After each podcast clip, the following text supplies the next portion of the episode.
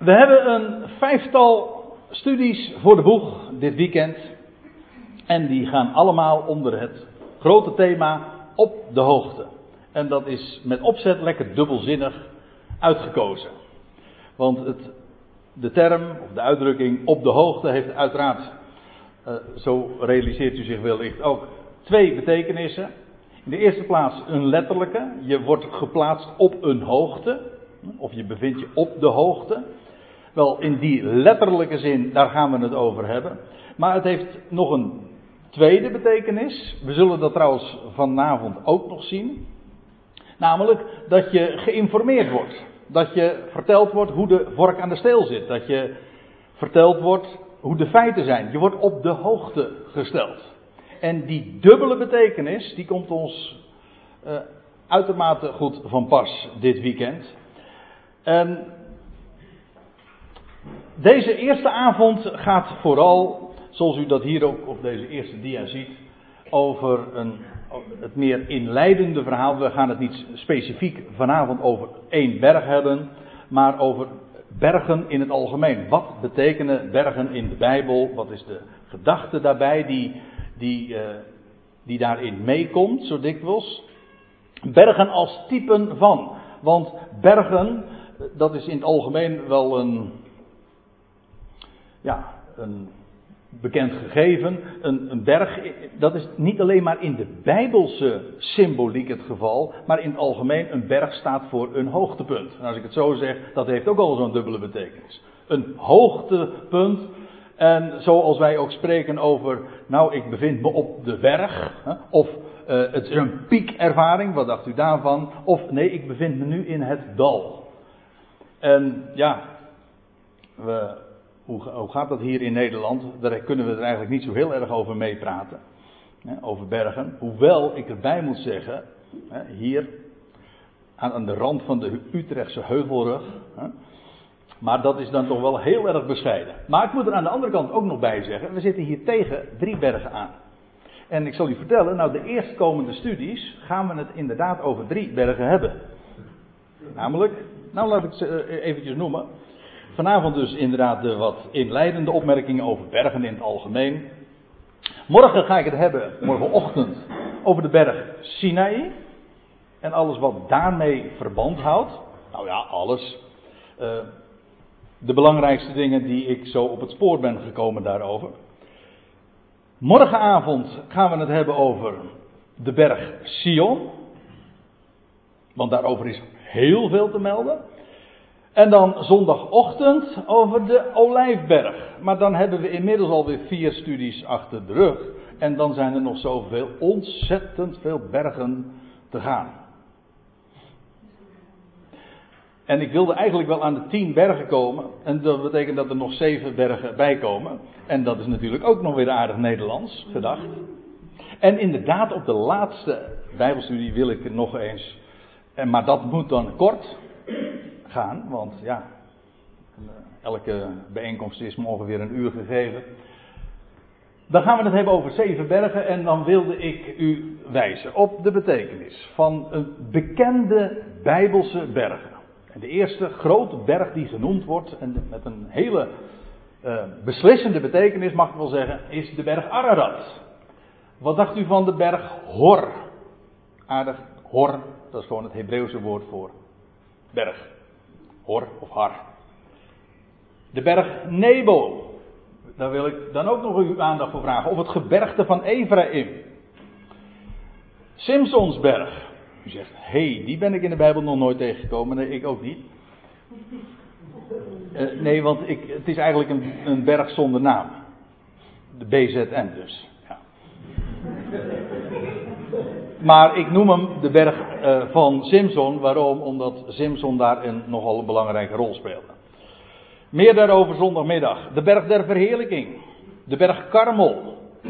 En dan vergeet ik er natuurlijk nog een heleboel belangrijke bergen. En wat ik van deze dagen graag wil maken is, ja, u, ik wil u bepalen bij, bij die geweldige pieken, die hoogtepunten in de Bijbelse, in de, in de Bijbelse verkondiging.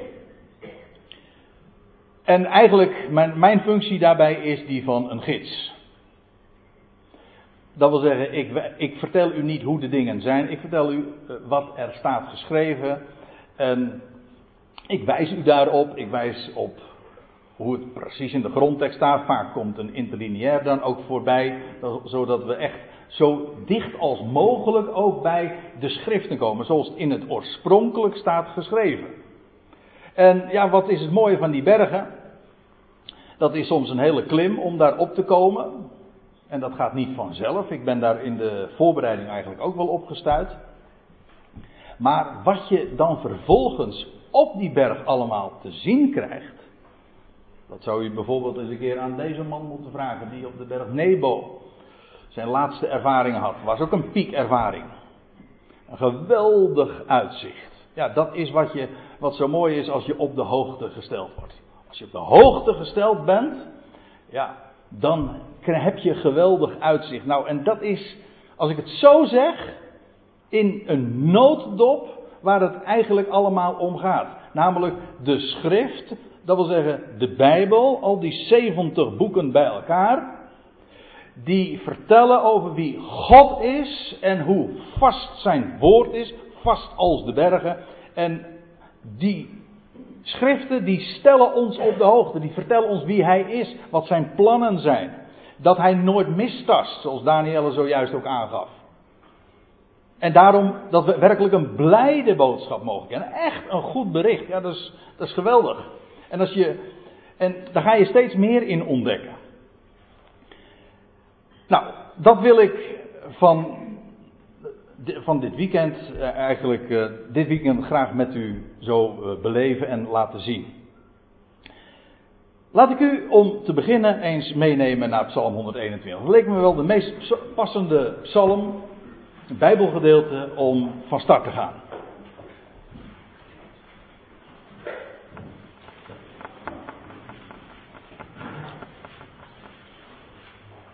Ik heb gemerkt, al in de gesprekken voordat we begonnen met de Bijbelstudie.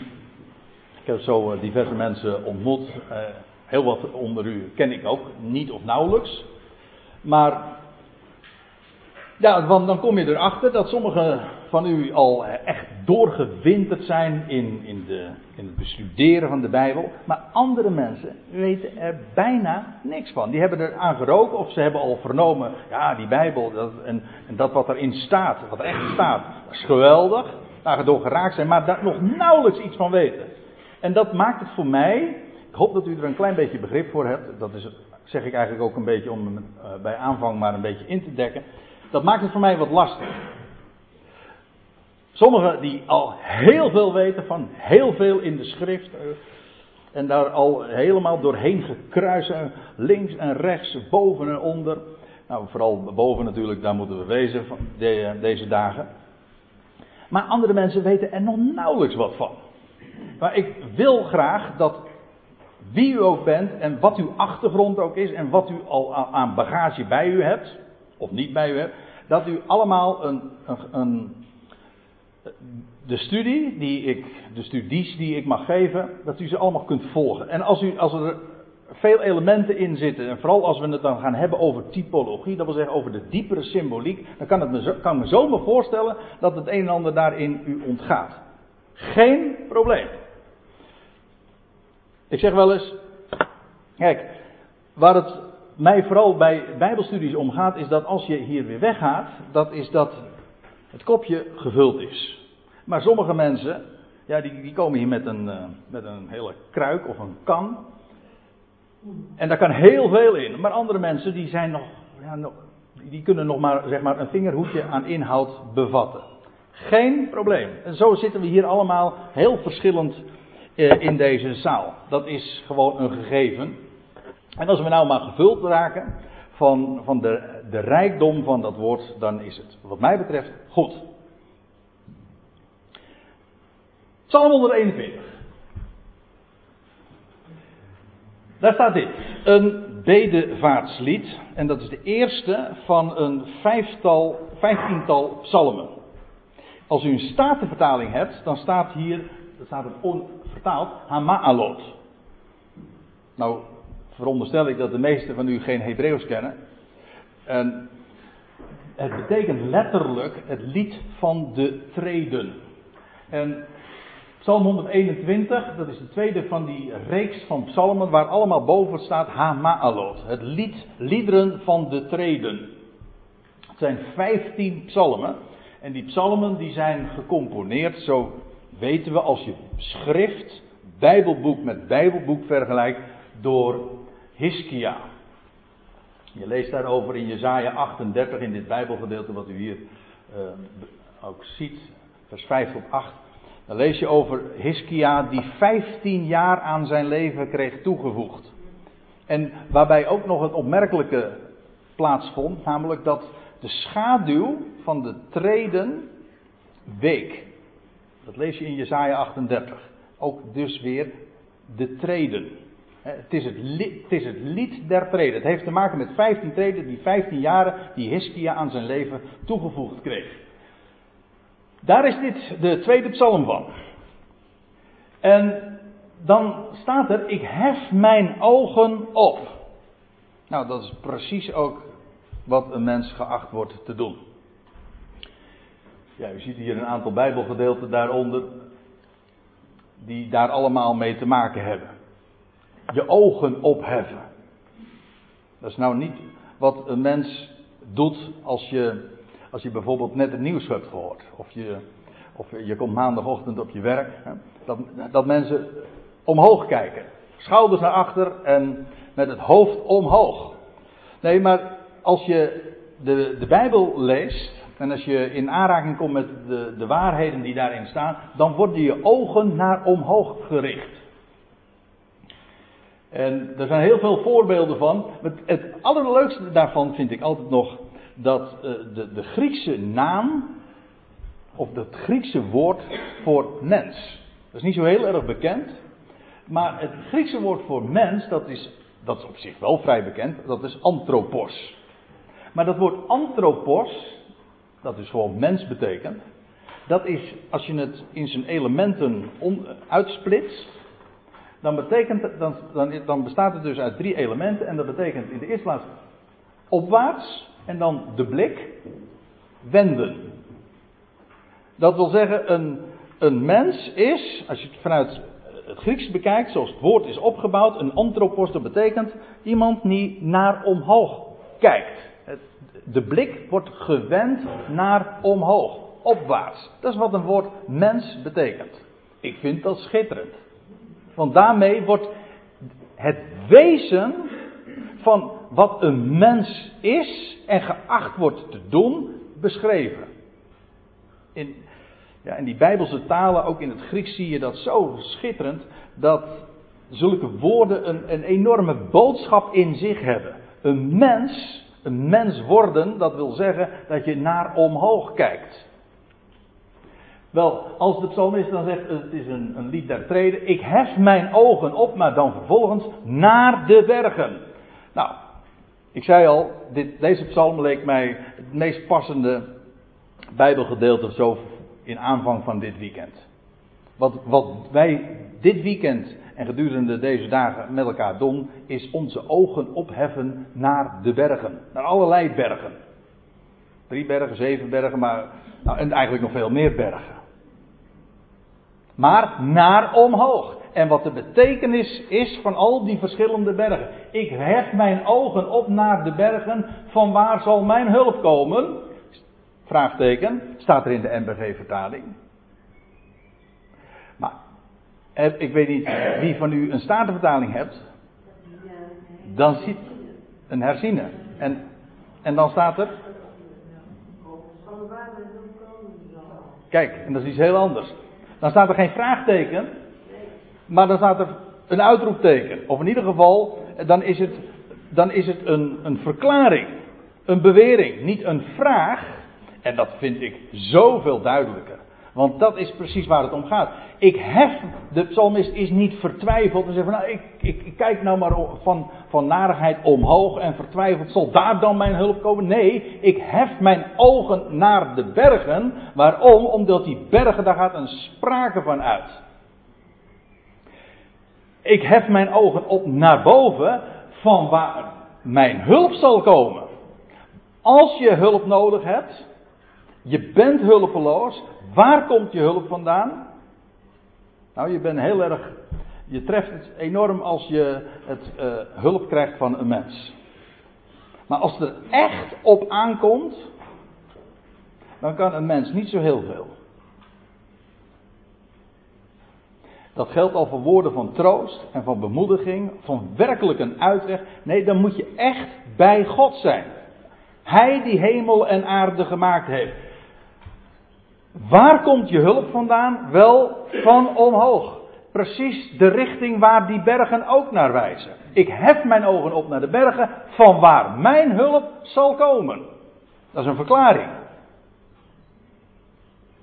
En ik moet zeggen, als je al, al, al, al zo'n vers leest, dan is dat al zo karakteristiek voor de hele Bijbelse boodschap. De mens wordt als het ware weggezet. Je kijkt met recht weg van beneden. Niet naar jezelf, niet naar de mensen om je heen. Nee, als je echt hulp nodig hebt. Een helper. Dan moet je daar wezen. En hij stelt niet teleur. Zijn woord stelt niet teleur. Zijn woord geeft licht. Zijn woord doet alles. Geeft antwoord op de vragen. En dat is precies waar een mens mee geholpen is. Echt geholpen is. In welke situatie ook. Van daaruit. Dat wil zeggen, van omhoog. Ik heb mijn ogen naar de bergen van waar mijn hulp zal komen. Mijn hulp staat er dan in vers 2. Mijn hulp is van de Heere. Dat wil zeggen, dat is de Nederlandse vertaling dan van de naam van God. Dat is eigenlijk wat ongelukkig als u het mij vraagt. Het is de naam Yahweh. Mijn hulp is van Yahweh. Hij, hij wiens naam is, of betekent ik ben, of ik ben er, of ik ben die ik ben. Mijn hulp is van Yahweh die hemel en aarde gemaakt heeft. En dan wordt je perspectief ineens heel erg groot. Want hij heeft de totale kosmos, het universum gemaakt. En hij is de bedenker en de schepper ervan.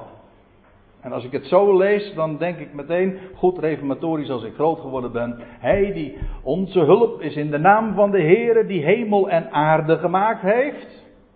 Hoe gaat hij verder? Ja, voor mij, ik droom het. Die trouw houdt dat staat hier niet trouwens, dat staat weer in een andere psalm. Maar ja, het is zo'n zo'n zo'n zo'n bijbelse boodschap die overal in doorklinkt.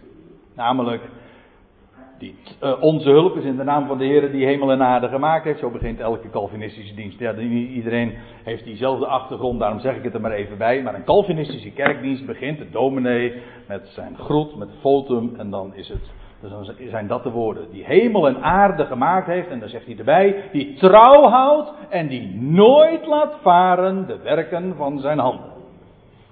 Schitterend. Meestal zeg ik er wel eens heel cynisch bij. Kan die dominee dan het beste amen zeggen. Want dan is die, kan die ochtend al niet meer stuk. En, want uh, de ellende is vaak dat het uur wat erop volgt. Vervolgens allemaal weer gaat ontkrachten. Wat hij in die eerste uitspraak gezegd heeft. Helaas. Maar dat is de waarheid. Die trouw houdt en die nooit laat varen de werken van zijn handen. Waarom niet? Waarom houdt hij van de werken van zijn handen? Het zijn de werken van zijn handen. Daar houdt hij van. Hij heeft het gemaakt, hij heeft het bedacht, hij heeft er een plan mee en hij heeft geen prullenbak. Hij heeft een plan met, elk crea met elke creatie, met elk schepsel. Psalm 36. Nou, we gaan echt bladeren hoor. Het hele weekend, want dat heb je met zo'n thematisch weekend. Kijk, uh, een, andere jaren hebben we wel eens een, een Bijbelgedeelte besproken. En dan ga je gewoon vers voor vers naar. Uh, doorwandel je zo'n pericoop, zo'n passage.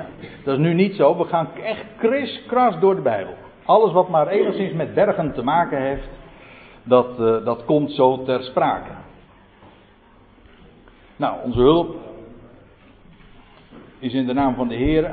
Ja, en daar waar de bergen naar wijzen, daar spreekt Psalm 121 van. Psalm 36 zegt hij nog iets anders. Heere, Jawel, hemelhoog, of tot in de hemelen, is uw goedertierenheid, is uw vriendelijkheid. Hij, God tiert in zijn goedheid. Dat is eigenlijk ook de, de betekenis van het woord goedertierenheid. Het is eigenlijk een heel mooi woord, hoe oud-Nederlands het ook in onze oren mag klinken. Maar het is vriendelijkheid. Oh, ja, oh, dat, uh, dat heeft te maken met het. Uh, andere met het Bijbelprogramma. ik heb de vers vermeld. Het is inderdaad, als ik uit de psalmen citeer, dan kan het zomaar zijn dat, dat, dat u een vers verder of uh, terug moet. Het Bijbelprogramma zijn gewoon verschillende indelingen. Ja, heel goed dat je het zegt, want nou zat ik eigenlijk jou te blameren en dat aan publiek en dat mag al helemaal niet. En dat was ook helemaal niet mijn bedoeling. Maar het, uh, als u namelijk een Engelse Bijbel hebt, dan is dit wel vers 5. En dat is wat verwarrend.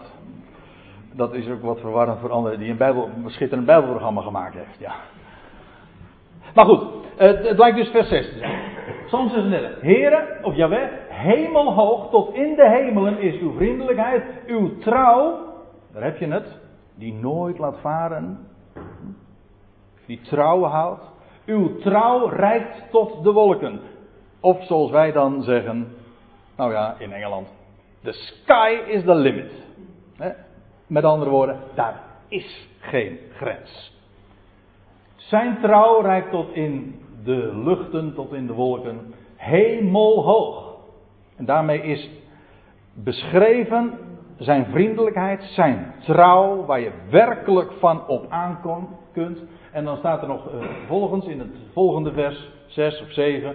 Uw gerechtigheid is als de bergen Gods. En zie daar de reden waarom ik deze passage er ook bij haal.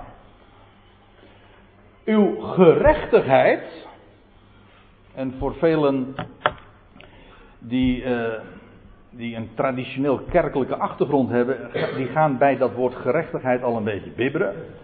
En sommigen heel erg bibberen. Namelijk omdat dat gerechtigheid, dat heeft iets met, tenminste dat denkt men dan, dat heeft iets met dreiging te maken. Als Gods gerechtigheid geopenbaard wordt, oh, dat kan. Maar die gerechtigheid heeft te maken met het feit dat God recht doet. Hij maakt recht. De godsgerechtigheid is in de Bijbel een blijde boodschap. Het kan soms pijnlijk zijn om dingen recht te zetten. Moet u maar eens aan de chirurg vragen. Om iets recht te zetten. Dat kan een heel pijnlijk proces zijn. Maar Gods gerechtigheid, en daar gaat het hier over, is als de bergen Gods. Let trouwens even op het meervoud. Er zijn meerdere bergen Gods. Bergen van God. We zullen nou, de komende dagen daar ook diverse van behandelen. We zullen zien dat de berg Sion daarvoor in aanmerking komt. De berg Sinaï trouwens ook.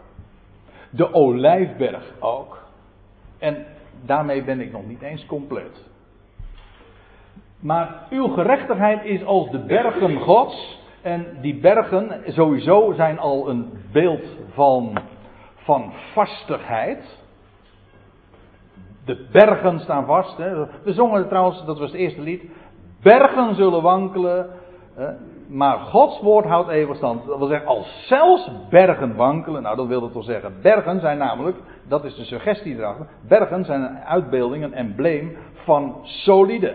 Van soliditeit, van vastheid. Dat staat als een, ja, een berg. En wel, Gods gerechtigheid is als de bergen Gods. Uw gericht is als een geweldige watervloed. En hier zie je trouwens inderdaad dat als God richt, dat daar heel wat gebeurt. De, het woord watervloed is hier eigenlijk de abyss, de, de afgrond. Zoals het in het boek Openbaring ook uh, wordt, wordt weergegeven. De eerste keer trouwens dat het gebruikt wordt is in Genesis 1, vers 2. En de duisternis was, lag over de afgrond. Dat is dit Hebreeuwse woord wat ervoor gebruikt wordt. Dat is heel schrikwekkend, indrukwekkend. Als God eh, gericht houdt, nou dan gebeurt er wat. Maar het heeft altijd, denk erom, het heeft altijd een rechtmakend en een heilzaam effect. Altijd. Dat is namelijk ook het doel. Uw gericht is een geweldige watervloed, dat mag waar zijn. En dan staat er vervolgens nog mens en dier. Die vind ik wel ook heel mooi om dat ter introductie te zeggen. Mens en dier verlost gij, Jaweh. Mens en dier. Ook hier geen limits. Ik vind het prachtig. Er worden wel eens. Ja. De mens is een zeer kundig. En vooral in de godsdienstige wereld heel kundig om dat altijd maar in te perken. Om daar altijd maar ook voorwaarden aan te koppelen. Dat, ze heeft uh, allerlei psychologische motieven natuurlijk. Want dat, dan kun je mensen aan je binden. Maar wat ik zo schitterend vind is dat, dus, dat, dat de God die de Bijbel tekent, is een God die redt. Wie? De mensheid. En nog veel meer trouwens hoor. Ja, het is al heel wat als je gelooft dat alle, alle mensen gered worden. Maar hier staat uh, nog een keer, uh, wordt het ook nog eens gezegd over de dierenwereld. Hij redt mens en dier. Dat gaat heel ver. De hele schepping wordt gered. Over dit laatste weet ik eigenlijk niet zo heel veel te vertellen. Maar de schrift zegt het wel. Hij redt mens en dier. Over de redding van de mens, daar staat heel wat in de Bijbel. Wordt weliswaar uh, erg verzwegen. Over de redding van de dierenwereld staat ook heel wat. Maar hoe, hoe ver dat gaat. Maar de waarheid staat ook hier, met recht. Als de bergen. Als de bergen Gods. Mens en dier verlost gij, heren. Trouwens, het mooi. Ik heb het expres eventjes uh, onderstreept. Maar dat woord verlossen is eigenlijk redden, shua. U ziet het hier. Maar dat shua, dat, dat is dezelfde stam als ook in de naam van Jezus. Yeshua. Dat is de Hebreeuwse naam, Jehoshua. Maar dat shua, dat betekent redden. En dat woord wordt hier gebruikt. Yahweh, de naam Yeshua betekent Yahweh redt. Wie redt hij? Mens en dier. God doet recht. God redt ook. Jezaja 40.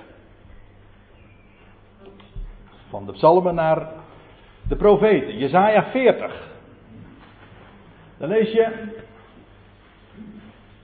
Het is een heel bekend hoofdstuk. Een van de hoogtepunten, als u het mij vraagt, ook in het boekje Zaja. Daar staat: Hoor, iemand roept. En wat roept hij? Bereid in de woestijn de weg van Yahweh. Frappant, deze uitroep, deze woorden worden ook in het Nieuwe Testament geciteerd. En dat blijkt zijn vervulling te vinden in Johannes de Doper, die inderdaad de wegbereider van Yahweh genoemd wordt. Wegbereider van de Heer. En dan staat er effend in de wildernis een baan voor onze God. Johannes de Doper, die trad ook expres ook op daar in de wildernis. En daar bereidde hij de weg. In de Jordaan. Maar waar ik het voor citeer is vanwege dat volgende vers. Elk dal wordt verhoogd. God keert de boel om, dat is wat hier eigenlijk staat. Elk dal wordt verhoogd en elke berg en heuvel geslecht. Dat wil zeggen, wordt vlak gemaakt. Dat soort associaties kom je nog al eens een keer tegen. We zullen ze zondag opnieuw weer zien. We zullen straks dat trouwens ook nog zien. Over bergen verzetten. Nou, God doet dat. Hij heeft elke berg en vleugel en heuvel uh, geslecht. Ik, ik moet uh, aan een ander lied nog denken trouwens. Het is een wat ouderwetse lied, maar dat uh, voor hen die het heil, is, is, het gaat halverwege het lied zo. Voor hen die het heil van de Here wachten, zijn bergen vlak en zeeën droog. Ja, zo was het. Let trouwens op, er wordt hier gesproken over het, uh, het vlakken van de bergen. Dat is dubbelzinnig. Trouwens, in de letterlijke zin gebeurt dat ook. dat vind je bijvoorbeeld ook in de profetische boeken. Dan worden er met recht ook bergen en heuvels geslecht en gevlakt. Maar let op vervolgens wat er dan nog bij staat. En het oneffene worden tot een vlakte. Dat woord oneffene, dat is in het Hebreeuws een woord. En als ik het zeg, hier, dat eindigt met agof. En dat is, uh, heeft dezelfde stam als Jacob. Het heeft namelijk de betekenis van een, de hiel. Dus hier het oneffene wordt tot een vlakte. Maar het idee daarbij is dat God dat wat oneffen is, Jacob, dat wordt weer recht getrokken. Ik, ik, had het zojuist over het feit dat God recht zet. Wel, dat zie je hier. Het oneffene, dat wat uh, onrecht is, on, ja, dat is ook een mooi woord, onrecht, wat krom is, wat te maken heeft met Jacob. Er zit hier een, een onmiskenbare woordspeling ook naar Jacob. Wel, God zet Jacob weer recht. En de rotsbodem, oh wacht even, er staat nog bij tot een vlakte. Ja, dat is letterlijk, dat is mooi hè. Dat is nou het mooie van uh, als je een, uh, als je echt met zo'n de, de vergrootglas dan op zulke bijbelwoorden kunt leggen. En tegenwoordig heb je zulke schitterende tools, instrumenten om dat inderdaad ook als leek te kunnen doen. En wat je dan ziet is dat woord vlakte hier, dat heeft eigenlijk te maken met iets recht maken. Nou, dat is precies waar het over ging. Namelijk dat wat onrecht is, Jacob, waar zoveel aan recht gezet is, wel dat wordt inderdaad recht gezet. En de rotsbodem tot een vallei, dat is wat hij doet. Hier wordt iets gezegd over wie God is en hoe hij handelt. Hij maakt recht. Metaforisch, symbolisch of in de letterlijke zin, maar het is allemaal waar. Ik verwees er zojuist even naar, over die uitdrukking bergen verzetten. Nou, daar gaan we dan nu eh, meteen maar even naartoe. 1 Korinthe 13. Ja, dat is een prachtig Bijbelhoofdstuk over de liefde. En dan gaat het maar niet over een, een romantisch roos idee over van wat liefde zou zijn. Zeg daar niks kwaads over, begrijp me goed. Maar het heeft niet te maken met, met, met uh, bepaalde emoties van, van, van liefde of van romantiek. Nee, als het gaat over liefde, dan staat daar hier een, een Grieks woord en dat heeft te maken met onvoorwaardelijke liefde. Dat juist losstaat van emotie. Dat is helemaal geen voor. Emotie is geen voorwaarde voor agape. E, agape is namelijk onvoorwaardelijke liefde. Ook als de emotie ontbreekt, dan nog is daar die agape. Dat wil zeggen, agape, dat is liefde van God. Ik kan het trouwens nog korter zeggen. God is liefde. Ik zal straks trouwens een bewijs noemen, maar eerst even dit. Daar zegt uh, Paulus dit. Het is een wat uh, poëtische pericoop waarin hij geweldige dingen naar voren brengt. Maar hij zegt dan, al waren het dat ik profetische gaven had, dat wil zeggen het vermogen had om dingen te voorzeggen, want dat is wat profetie eigenlijk betekent. Al waren het dat ik profetische gaven had, alle geheimenissen, dat wat verborgen is. En alles wat te weten is, wist.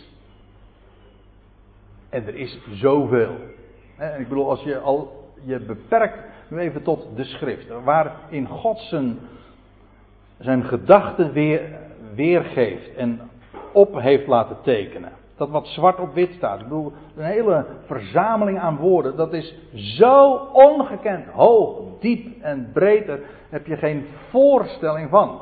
Maar al waren het dat ik dat alles doorzag. En de profetische betekenis ervan kende. De verborgenheid ervan, de verborgenheden ervan zou doorzien. Als ik alles wat er over te weten was, zou weten. Wel, en ik had het geloof. Het vertrouwen. Het besef. Het is waar wat hij zegt. En ik had het geloof.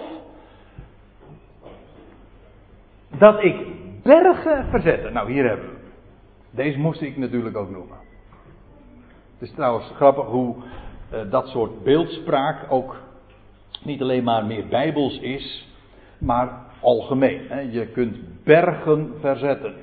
En de onmogelijke dingen doen. Want ik zei al, een berg is een embleem van dat wat vaststaat. Wel, geloof kan bergen verzetten. Dat wat naar de mens gesproken volstrekt onmogelijk is. Als je staat op zijn woord, dan kun je inderdaad bergen verzetten. Dat wat onmogelijk geacht wordt, dat gebeurt. Daar zit trouwens nog veel meer achter. Zondag wil ik daar wat over vertellen. Over een specifieke berg verzetten. Maar daar ga ik nu niet op vooruit lopen. Het gaat nu even om het algemene principe dat geloof bij machten is om bergen, de meest onmogelijke dingen, te verzetten. Geloof is daarbij, dus maar niet ook een bepaald een innerlijk gevoel van het zal wel zo zijn. Nee, dat is steunen op wat God gezegd heeft. Hij sprak, het is zo. Als ik, het, wel, als ik al die dingen had, dan staat erbij, maar ik had de liefde niet, ik waren niets. De liefde, agape, Gods liefde. Ik zei al, dat gaat verder dan alleen maar de liefde van God. God is liefde. En hier in deze verse staat dat ook letterlijk zo. Het wordt twee keer in Johannesbrief zo gezegd. In een heel kort zinnetje. God is liefde. Heel makkelijk te onthouden trouwens, want het staat in 1 Johannes 4, vers 8 en 16. Ja. God is liefde. En je neem maar eens de proef op de zon en lees 1 Korinthe 13. Dan staat er, de liefde is goede tieren, de liefde is langmoedig. Ze kwetst niemands gevoel. De liefde uh, vergaat nooit. Al die dingen die daar gezegd worden over de liefde, die zijn direct van toepassing op God. Dat wat daar gezegd wordt over de liefde, daar kun je gewoon God bij invullen. God is langmoedig. God is. Um, hoe staat het? Hij vergaat nooit. Uh, al die dingen, wordt een hele lofzang daarop op de liefde, de agape gegeven. Wel, dat wat van de liefde gezegd wordt, dat is toepasbaar, dat is, kan gezegd worden van God. Dat is namelijk identiek. En het meest karakteristieke van wie God is, niet alleen maar hoe hij handelt, maar van wat zijn wezen is, hij is liefde. Dat wil zeggen, hij maakt de dingen tot één. Dat is wat de liefde ook werkelijk is. En dan staat er nou eens nog bij in het voorgaande vers. Als ik het niet had, wel, ik waren schallend koper of een rinkelend symbaal. Je kunt, je kunt van alles vertellen. Dat geldt trouwens ook, laat ik het dan maar eens eh, heel uh, direct ook zo uh, weergeven. En als een, als een, lang, als een lakmoesproef, ja, als een lakmoesbewijs voor voor een boodschap die valide, een boodschap die recht is, die goed is. Wel, de vraag is, klinkt daarin door Gods liefde? Die nimmer vergaat, die alle tegenstand overtreft, die bij machten is om alles weer recht te zetten en alles bijeen te brengen. Dat is de liefde God. Die, we hebben daar toch ook van uh, gelezen in 1 Korinthe 13. Die faalt nimmer. De liefde vergaat, maar faalt ook nimmer. Wel, die liefde. Als je die liefde niet kent, en als, dan, dan kun je nog zoveel weten, dan kun je nog zoveel vertellen, maar als dat niet gezien wordt, als dat niet klinkt, dan is het schallend koper en dan is het een rinkelend symbaal. Dat wil zeggen, dat is, geen, dat is geen muziek. Dat is geen harmonie. Want dat is toch eigenlijk wat muziek geacht wordt te zijn. Namelijk harmonie. Met mineur en, en majeur, dieptepunten, hoogtepunten. Ja, ook in de muziek heb je dat. Dat het alles tot één harmonie uh, klinkt. Wel, dat is wat er gehoord zou worden.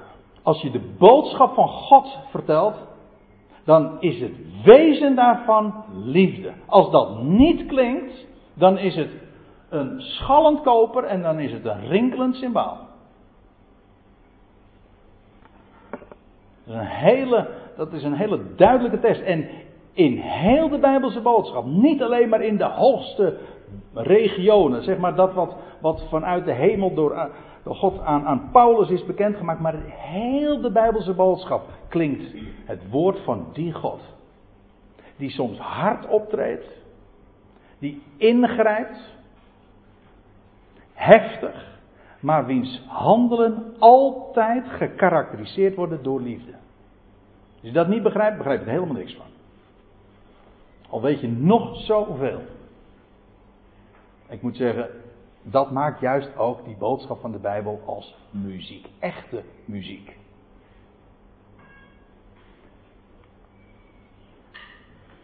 We gaan weer even verder. Daniel 2. Over de, over de bergen, want daar hebben we het natuurlijk over. Je maakt nog wel eens wat uitstapjes. Ja, dat heb je als je dan de bergen oploopt of klimt. Dan kijk je links en rechts om je heen. En dan, als een, als een goede gids, wijs je dan ook op wat er allemaal in de omgeving nog in het voorbijgaan ook gezien kan worden. En soms voert dat dan even van het pad, maar we gaan weer gewoon verder omhoog. Naar de top. Maar Daniel 2. Dat is een, een lang hoofdstuk waarin verteld wordt van een droom die Nebukadnezar had over dat geweldige, gigantische beeld dat hij had gezien van gouden hoofd en een koperen, een koperen borst en hoe zeg ik het nou goed? Nee, een zilveren borst en een koperen lendenen en benen van ijzer en voeten van deels ijzer en leem. Nou, en dan gebeurt er wat mee met, met dat beeld. Wat, waar het om gaat is, laat ik het even kortweg samenvatten. Voor degenen die er niet zo vertrouwd mee zijn.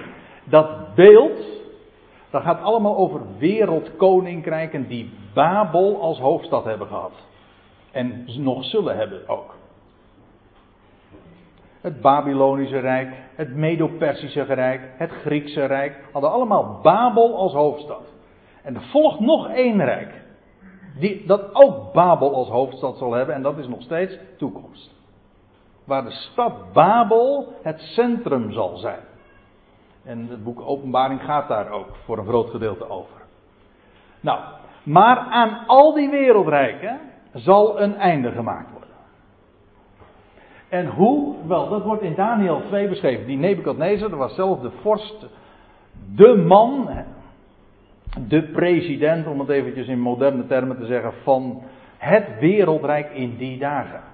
Wel, hij had die droom, Daniel legt die droom uit. En dan staat er in vers 35, en ik noem het uiteraard vanwege de associatie met de berg, eh, die hier ook twee keer weer klinkt. Toen werden tegelijkertijd, dat wil zeggen, er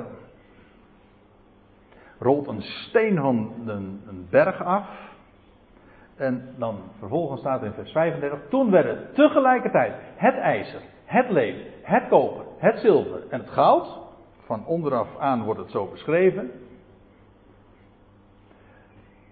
verbrijzeld en ze werden gelijk kaf op een dorsvloer in de zomer en de wind voerde ze mee.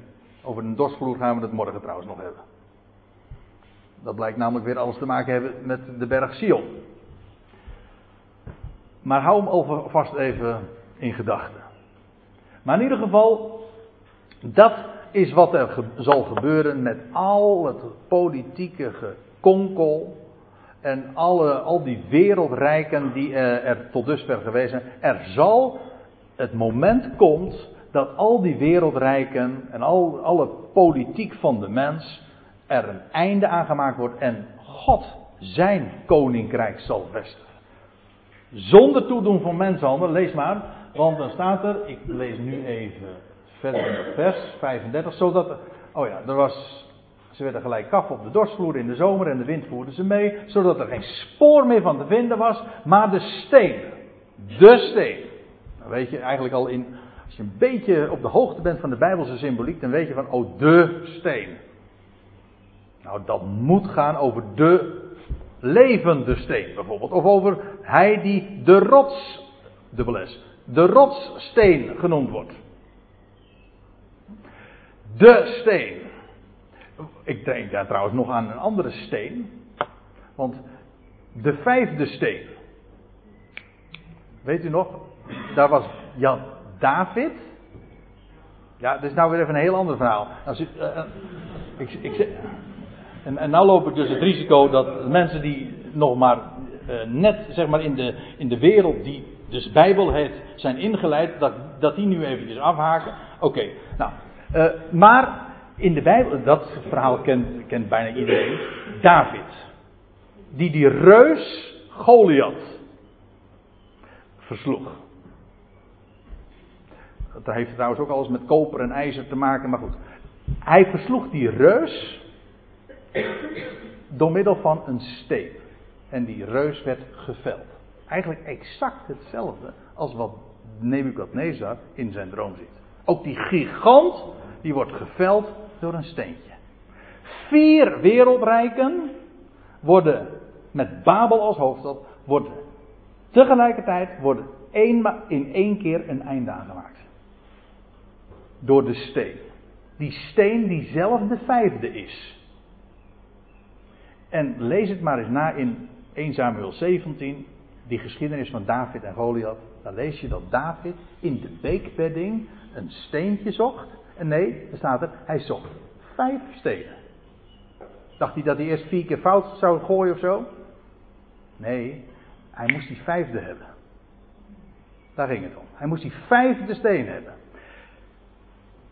Hij nam vijf stenen. En het is hier ook de steen. En die steen blijkt zelf het vijfde rijk te zijn. Nou ja, goed. Ik geef hem u mee. Ik geef hem zomaar even mee. En wat er gebeurt. Let op. Aan alle wereldrijken.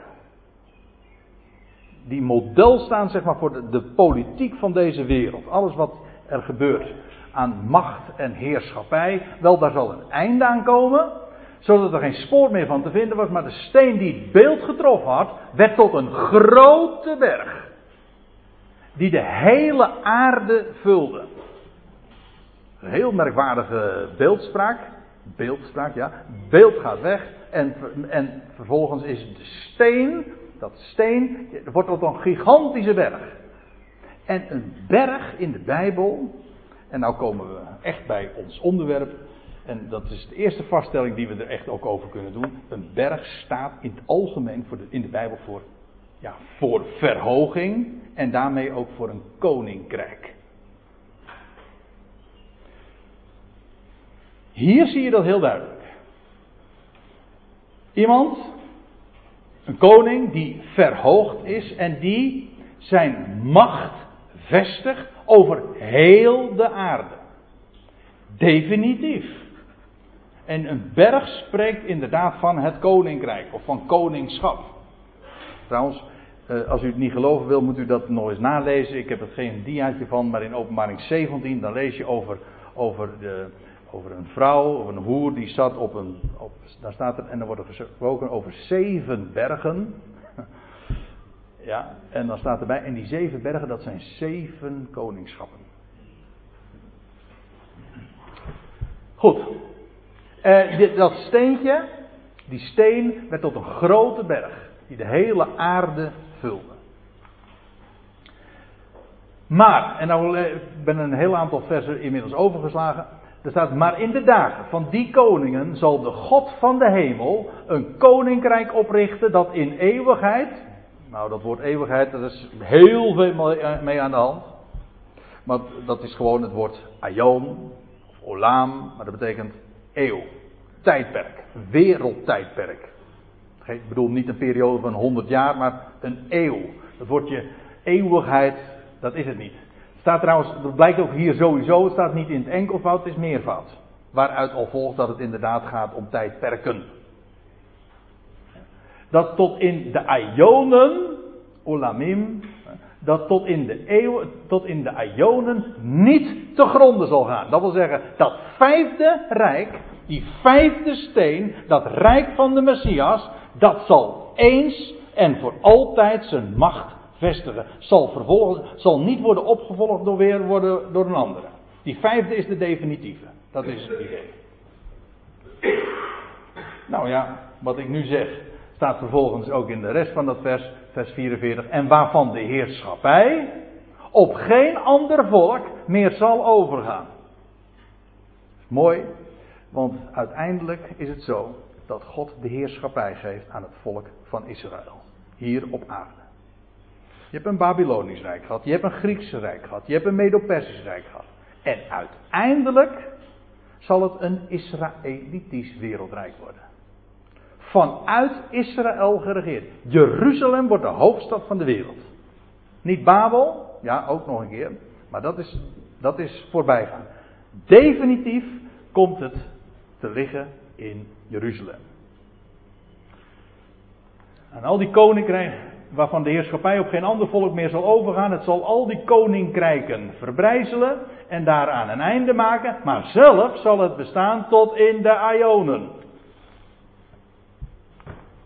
Juist zoals gij gezien hebt dat zonder toedoen van mensenhanden een steen van de berg losraakte en het ijzer, het koper, het leem, het zilver en het goud verbrijzelde. En zo wordt in een, lang hoofdstuk, want ik heb nou maar een paar highlights er zo eventjes uitgenomen, maar wordt er beschreven hoe, hoe het systeem van deze wereld en al die koninkrijken worden beëindigd zonder toedoen van mensenhanden. Dat wil zeggen, daar komt geen mensenhand, geen menselijke energie aan te pas. Het, het is ook niet van onderaf, het komt van boven. Hier weer. Van waar komt mijn hulp? Van boven, ja. Van waar komt de macht? Nou, van omhoog. Vanaf de berg.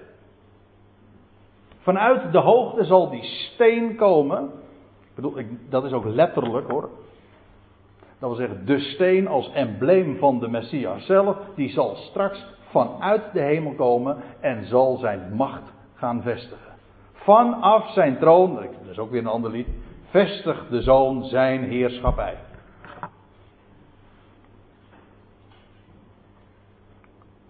De grote God staat er dan nog bij, heeft de koning bekendgemaakt wat na deze zal geschieden. De droom is waarachtig en zijn uitlegging is betrouwbaar. Ja, zo spreekt God. God voorspelt niet, God voorzegt. Zo zal het gaan. Ja, en nu heb ik nog een heleboel dia's, maar ik zie dat de tijd inmiddels al, de klok die gaat verder. Maar ik wil toch even een aantal dingen daarover vertellen. Namelijk, uh, wat vertellen over die uitdrukking op de hoogte. Want dat is het thema van het hele weekend. Maar 1 Samuel 9 is een prachtig hoofdstuk. Uh, laat ik eerst even iets zeggen over de voorgeschiedenis. Daar lees je over een hele grote man, die een kop boven iedereen uh, uitstak. Dat lees je van hem. Saul, uit de stam van Benjamin dan lees je in dat hoofdstuk, hij zoekt te vergeefs, met zijn knecht trouwens, naar de ezelinnen van zijn vader. Een heel, ja, toch wel eigenaardig verhaal. Zijn vader die is uh, eh, 30 ezelinnen kwijt en Saul gaat met zijn knecht uh, op zoek. Maar het gaat te vergeefs. Een paar dagen is hij aan het zoeken, maar vindt het niet. Hij vindt ze niet. Ten slotte adviseert zijn knecht naar de man Gods te gaan in Rama. En de man Gods, dat is Samuel. En ja, wat is nou het bijzondere van dit verhaal? Dat is dat het maar niet alleen maar ja, een feitelijke mededeling is van hoe het gegaan is. Hoe Saul als eerste koning werd over Israël. Daarvoor had Israël richters. Geen, dit, Saul was de eerste koning. Maar het is veel meer. Dat hele verhaal, die geschiedenis, is typerend, is een type, staat model voor hoe God een koninkrijk zal vestigen in en vanuit Israël. En hoe hij een koning zal roepen. De koning van Israël. En Saul is daarmee een type van de Messias. Van de koning van Israël. En hoe hij ook koning zal worden. Want, dit, want Saul gaat, wordt dan uh, vervolgens gezalfd door Samuel. Hij wordt gezalfd tot koning. Maar dat heeft een hele verhaal. Laat ik eens eventjes met u meegaan, zo door uh, dat verhaal.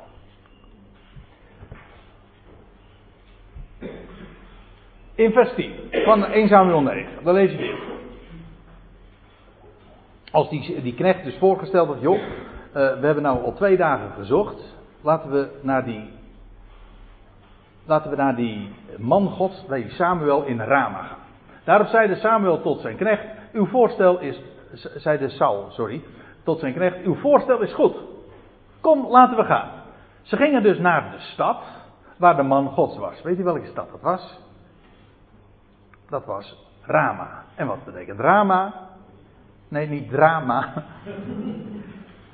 We hebben het niet over drama. We hebben het over goed bericht. En we hebben het over Rama. Namelijk, en Rama, dat is gewoon het Hebreeuwse woord voor hoge plaats. En dat Samuel daar inderdaad woonde. Daar kwam hij vandaan. Zijn vader woonde daar ook al, Elkana. In Rama. Hoge plaats. Nou, ze gingen dus naar de stad waar de man Gods was. Ik moet er een beetje snel doorheen gaan, want anders eh, wordt het echt een beetje te laat. Maar goed. In vers 11 lees je dan dit. Juist toen zij de helling naar de stad beklommen. Het was immers een hoge plaats. Ontmoetten zij meisjes op weg om water te putten. Zoals u dat. Ik vond dit plaatje op internet vond wel aardig. Het is geen foto, by the way. Maar, maar zo, het geeft een impressie. Zij ontmoette de meisjes op weg om water te putten. En ze zei tot haar: Is de ziener hier? Het is heel verstandig om dat aan die meisjes te vragen. Want eh, deze meisjes die gingen naar de bron. En als je naar de bron gaat, dan weet je waar je. Dan weet je hoe eh, de vork aan de steel zit, hè, om maar zo te zeggen. Dan weet je het antwoord. Ik bedoel dat natuurlijk even ook typologisch. Naar de bron gaan wil zeggen naar de schrift. De bron in de Bijbel staat inderdaad voor hem die levend water produceert. Zijn woord. Wat levend water allemaal doet. Wel, die, die dames die gingen naar de bron en dus wisten zij het antwoord. En wat doe je als je naar de bron gaat en wat doe je dan als je, als je een vraag gesteld wordt? Wel, verwijzen naar de man Gods. En ik bedoel dat elke zin die ik nu zeg is dubbelzinnig. En ik bedoel, als ik zeg de man God, dan kun je zeggen, ja, in deze geschiedenis ging het om, om Samuel. Jawel, maar het gaat om hem die daar in de hoge plaats is. Namelijk de Heer Jezus Christus. De hoogste positie inneemt. Vers 12, ik, geef, ik ga verder. Toen antwoordden zij hun, dat wil zeggen die dames, uh, de knecht en uh, Saul. Ja, zie, hij is, hij is u voor, haast u nu, want hij is vandaag in de stad gekomen omdat het volk vandaag een offermaal heeft op de hoogte. Heb je hem? Op de hoogte. Dus deze dames brengen die mannen, met recht dus, op de hoogte. En daar was een offermaal. Dat wil zeggen een maaltijd, er was een feest ter gelegenheid van een offer. Dat gebracht was. Een vredeoffer. Enfin, vers 13. Zodra gij, dan de, zodra gij de stad inkomt, zult gij hem vinden, zeggen deze meiden, voordat hij, voordat hij de hoogte opgaat om te eten.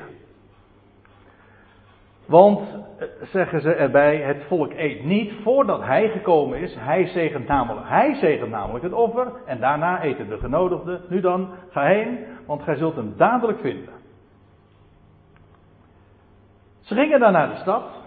En toen zij de stad ingingen, kwam Samuel juist naar buiten. Hun tegemoet om de hoogte op te gaan. Allemaal hoe vaak je die uitdrukking in, deze hoofdstuk, in dit hoofdstuk niet tegenkomt van uh, ze gingen op de hoogte, en ze werden op de hoogte gebracht. Uh, je struikelt er bijna over in, deze, in dit hoofdstuk. Daarom kon ik het ook niet nalaten, want ik, dit hoofdstuk is eigenlijk zo typerend voor de tijd waarin wij leven. Dat wil zeggen, er, moet een, er zal een koning komen over Israël. Maar voordat het zover is, vindt er het een en ander plaats daar in de hoogte. Na een periode overigens ook nog. Ik kom daar straks nog over te spreken. Maar dan wordt daar, in die hoogte, daar gebeurt iets heel bijzonders. En dat spreekt van onze tegenwoordige tijd. De koning van Israël. Hij moet zich nog openbaren. Maar in de tegenwoordige tijd vindt er iets bijzonders plaats. Naar aanleiding overigens van een offer dat gebracht is in de hoogte. De Heer nu had, ik lees verder in vers 15. De Heer nu had een dag voor de komst van Saul aan Samuel geopenbaard. Morgen om deze tijd zal ik een man uit het land van Benjamin tot u zenden. Hem zult gij tot vorst over mijn volk salven. En hij zal mijn volk verlossen uit de macht van de Filistijnen. Want ik heb acht geslagen op mijn volk omdat, zij, omdat zijn hulpgeroep tot mij is doorgedrongen. Samuel wist precies dus, Samuel was op de hoogte gebracht door de Heer zelf. Wie hij zou moeten uitzoeken en zou moeten zalven. En waartoe hij ook bestemd is, namelijk op de verlossing van zijn volk. Afijn, ik lees verder. Toen Samuel Saul zag, je zag hem ook niet zomaar over het hoofd trouwens, gaf de Heer hem te kennen, dit is de man over wie ik u gesproken heb. Deze zal over mijn volk heersen. Saul nu trad op Samuel toe, midden in de poort. Poort spreekt in de Bijbel altijd over heerschappij. Daar, daar waar de, de ins en outs geregeld worden. Daar, dat wordt allemaal in de poort bepaald. Wel, eh, de poort is een beeld van heerschappij. Wel, daar ging het nu juist ook over. En hij zeide, Saul zei tot Samuel, wijs mij toch waar het huis van de ziener is. En Samuel antwoordde Saul, ik ben die ziener. Ga voor, ga voor mij uit de hoogte op. Ga, uh, ik nou moet het wel goed lezen. Ga voor mij uit de hoogte op. Uh, vandaag blijft gij, bij, blijft, blijft gij bij mij eten en morgen vroeg zal ik u laten trekken. En over alles wat u bezighoudt zal ik u inlichten op de hoogte brengen. Wat, die vind ik ook zo mooi hè. Wat uw ezelinnen betreft, die sinds drie dagen zoek zijn, als u een statenvertaling hebt, staat er trouwens dit. Die gij heden den derde dag verloren hebt. Dat wil zeggen, het was de derde dag. die vind ik ook zo mooi. Iedere keer weer. Je hoeft ze niet eens te zoeken. Je, ja, die ezelinnen wel, maar ik bedoel. Daar, daar, dat wordt daar zomaar gezegd. Die ezelinnen waren zoek. En nu op de derde dag, ze waren terecht. En dat is wat Samuel zegt. En die Saul, hij zocht ezelinnen. En hij vond het koningschap. Weet je trouwens meteen ook wat, hij, wat er zoek was. Wat er verborgen was. Al die twee dagen die hij nu gezocht had. Hij was iets kwijt, hij was aan het zoeken. Ja. Het was verborgen. Maar dat is precies waar deze tegenwoordige tijd van twee dagen van spreekt. En gevonden wordt het op de derde dag. Wel, zegt Samuel, maak u daarover niet bezorgd, want zij zijn terecht. En na die twee dagen, wel, dan gaat het gebeuren. En dat vind ik zo prachtig. Dat zeg ik nu ook even voor degene voor wie dat misschien niet zo bekend is. Maar laat ik u dan even in het kort dit zeggen. Een dag voor de Heer is, in de, is duizend jaar. Zo staat het. Peter zegt het zelfs heel duidelijk. Hij zegt: Dit ene geliefde mag u niet ontgaan. Dat wil zeggen, let alsjeblieft op. Eén dag is bij de Heer als duizend jaar.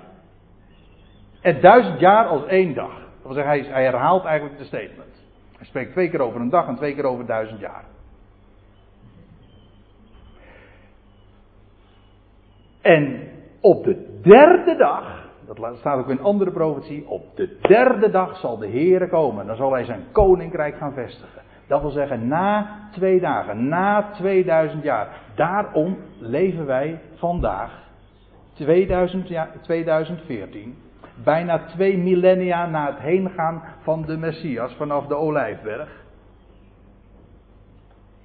In zo'n enorm bijzondere tijd. En gebeuren er zulke merkwaardige dingen in het, in het wereld gebeuren. En wordt alles in de wereld, met name in het Midden-Oosten, op zijn plek gezet. De stukken op het schaakbord, alles wordt in gereedheid gebracht, want de derde dag nadert. De twee dagen zijn voorbij. Bijna. Wel, en daar gaat ook deze geschiedenis over. Maar aan wie behoort al wat Israëls begeer, begerenswaardig acht? Behoort het niet aan u, aan uw hele familie? Dat zegt Samuel tegen Saul. Saul antwoordde: Ben ik niet een Benjaminiet? Dat wil zeggen een hele kleine stam. Uit een van de kleinste stammen van Israël. En is mijn geslacht niet het geringste van alle geslachten van de stam van Benjamin? Waarom spreekt gij dan zo tot mij? Het is net alsof ik een andere Saul uit de stam van Benjamin hoor praten. Die ook zo zich gering achtte. Door God gekozen was.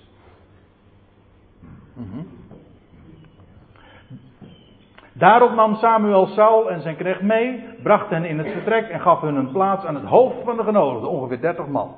Dat wil zeggen, die man, die Saul, die krijgt daar ineens een, leuk, leuk woord in dit verband, een vorstelijke behandeling.